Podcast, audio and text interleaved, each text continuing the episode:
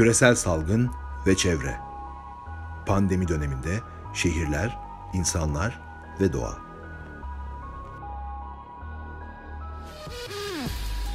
Podcast'in bu bölümünde Tamer Durak'la birlikteyiz. Tamer Durak, e, PEDI dalış eğitmeni, gazeteci dostum. Çok uzun yıllardır birlikte çalışıyoruz. Türkiye'de sualtı ve e, suyla, denizle ilgili faaliyetlere e, bakacağız. Hem de tabii şöyle bir global bakışla dünyanın çeşitli yerlerinde e, bu açıdan neler yaşanıyor, nasıl problemler var onlara da değineceğiz elbette.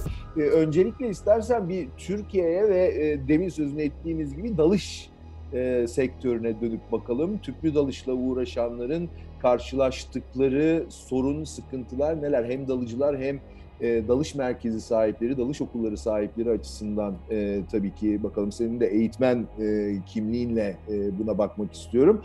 E, öte yandan da e, tabii ki balıkçılık faaliyetlerinin pandemideki kısıtlamalar neticesinde sınırlandırılması e, farklılıklara da yol açmıştır diye düşünüyorum. En azından kendi deneyimim öyle. Örneğin e, bu sene yaptığım dalışlarda hayatımda hiç görmediğim kadar çok sinarit, e, orfoz laos ve e, baraküda gördüm e, ve ahtapotlar da aynı şekilde e, sayıları artmış gibi göründü. Bana tabii ki bunlar tekil gözlemler dolayısıyla e, gerçekliği bütünüyle ne kadar yansıtıyor emin olamıyorum ama senin bu konudaki görüşün ne? Sualtı biraz canlandı sanki. Sualtı canlandı. Bunun bir iki sebebi var. Bunların en başında tabii ki balıkçılık faaliyetlerinin azalması, insanların sokağa çıkamaması geliyor. İkinci sebep de e, bu konuda yapılmış çok sayıda araştırma var ama benim gördüğüm en önemli araştırmayı e, Amerikan Akustik Derneği yapmış ve bunu bir dergilerinde yayınlamışlar. Okyanuslarda insan kaynaklı gürültü net yüzde 50 azalmış koronavirüs salgını döneminde.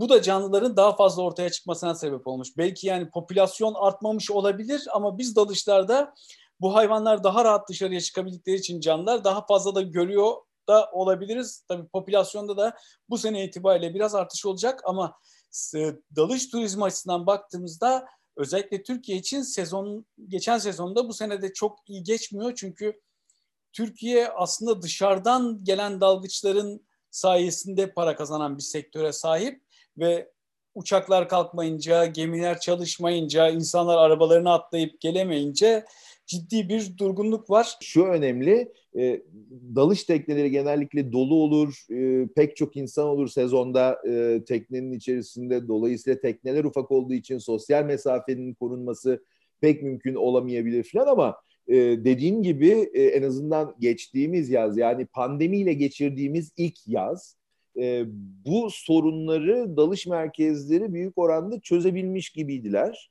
E, hijyen, regülatör ve maske kullanımı özellikle e, nasıl sağlandı? Sen e, neler gözlemledin? Yani herkesin kendi malzemesi yok çünkü başkalarının kullandığı malzemeyi de kullanıyorlar. Evet ama bütün malzemeler kişisel olarak dağıtılıyor sabah teknede. Akşam toplanıyor. Hepsi tekrardan yıkanıyor. Ondan sonra e, işte bizim kullandığımız dezenfektanlar gibi çeşitli malzemelerle temizleniyor. Ondan sonra streç filme sarılıp kişi herkes için tek tek ertesi güne hazırlanıyor ve teknelerdeki e, kapasitelerin de en az yarısı en fazla yarısı kullanıldığı için yani 50 kişilik bir teknede zaten dalış teknesi olarak kullanıldığında 30-35 kişi olur. Bu durumda 10-12 kişiye iniyor. Bu, bu mesela bu yaz benim yaptığım bütün dalışlarda 80 kişilik teknede biz en fazla 20 kişi olduk.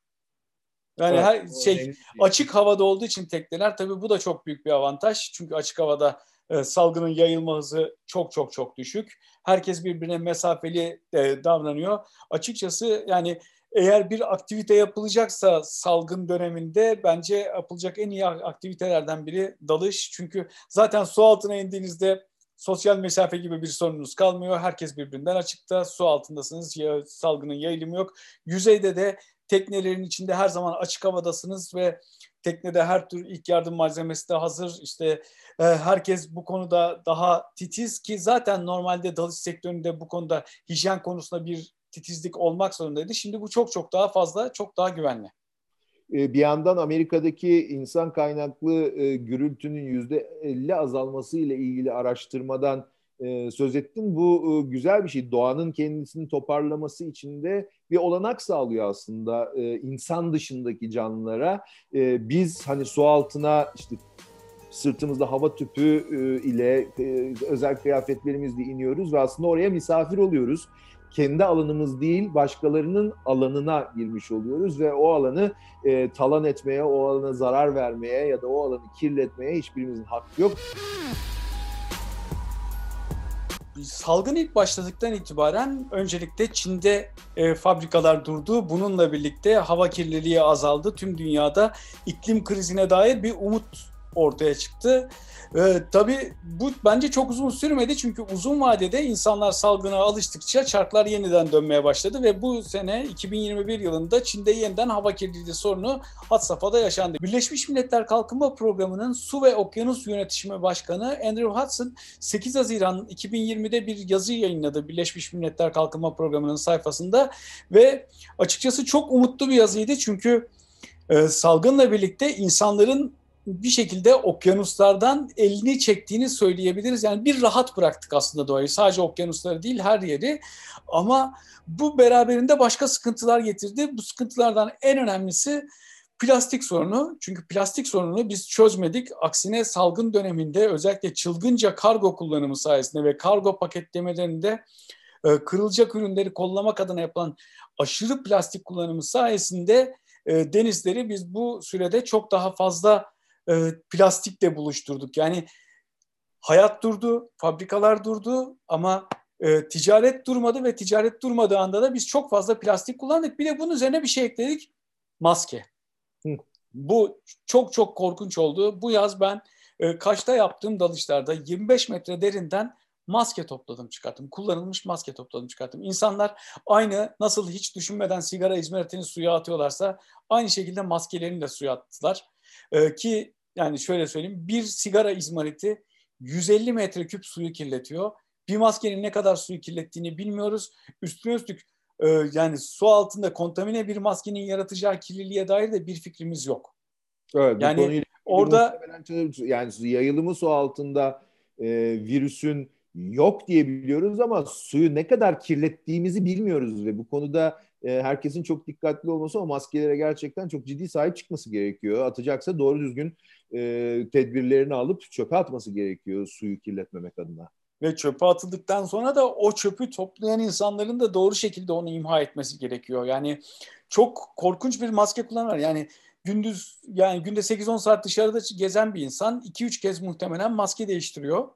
Yani korkunç bir çöp çıktı aslında ortaya. Ve bununla ilgili evet pek bir şey yapılmıyor.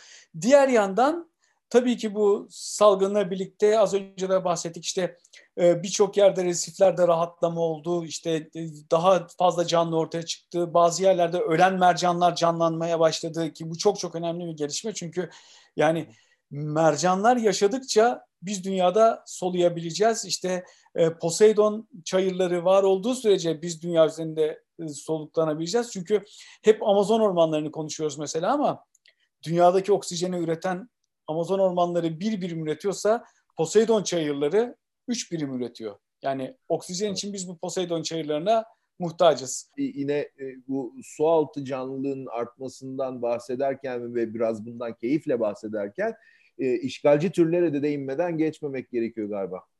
Evet, işgalci türler konusunda Türkiye çok ciddi bir sıkıntı yaşıyor aslında.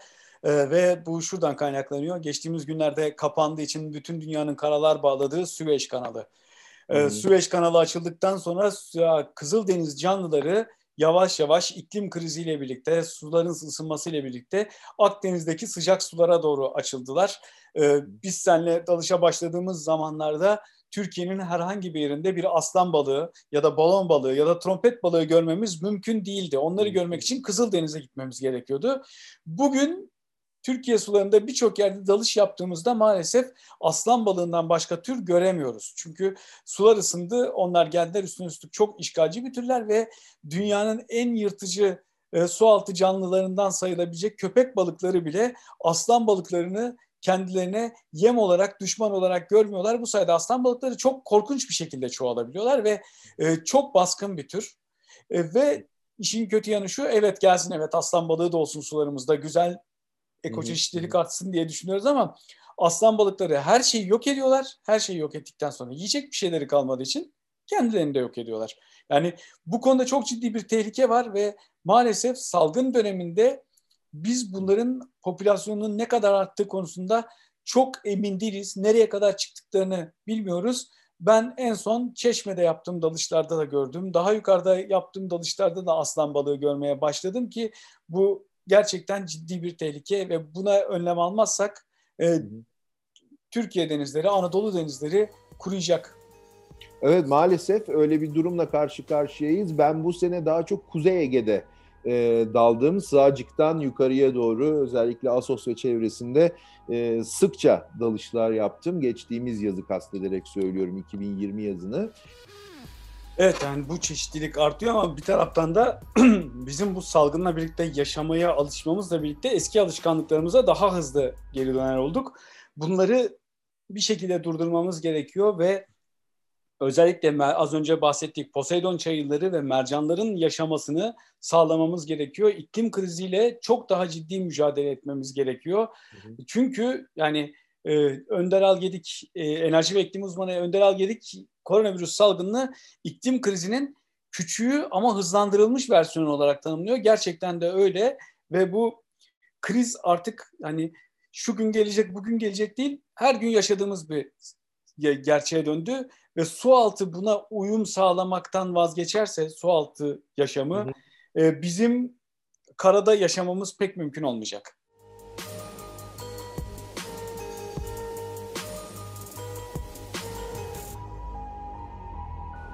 Küresel salgın ve çevre. Pandemi döneminde şehirler, insanlar ve doğa.